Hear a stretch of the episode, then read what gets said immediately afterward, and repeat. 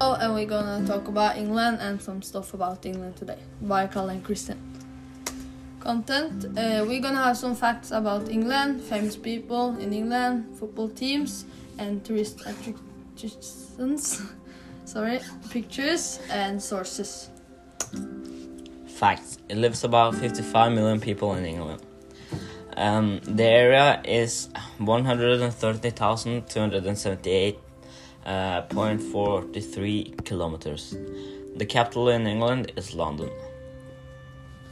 Famous people. David Beckham is a football player who played um, with uh, Manchester United and PSG. He, he was very good. Elton John is a musician. He earned very much money about his songs, and yeah. Marcus Rashford is a good football player.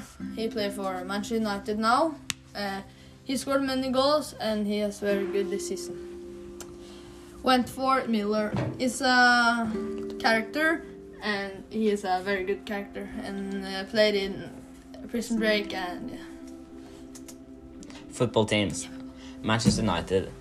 Manchester United is a football club in England.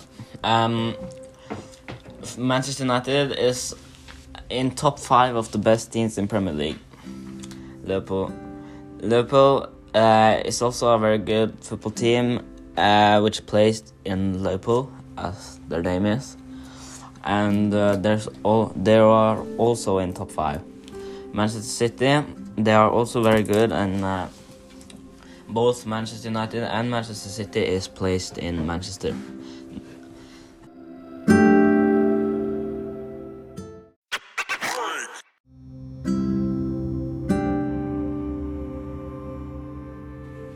Leicester. Leicester is also a very good football team, uh, which is placed in the city called Leicester.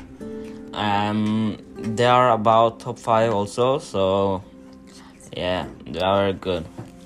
Uh, Chelsea is also another football team.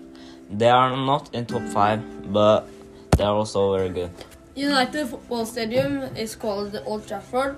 Liverpool Football Stadium called Anfield, and City Homeside and Football Stadium is called Etihad Stadium, and Leicester Stadium called King Power Stadium.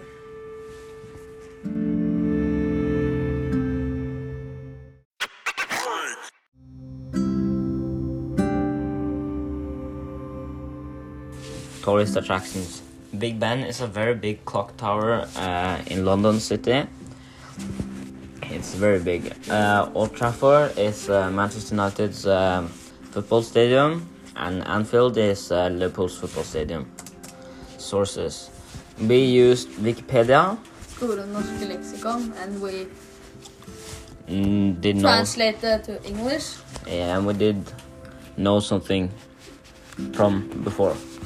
So and our heads. yes, thanks for us. Bye bye, Tillegg.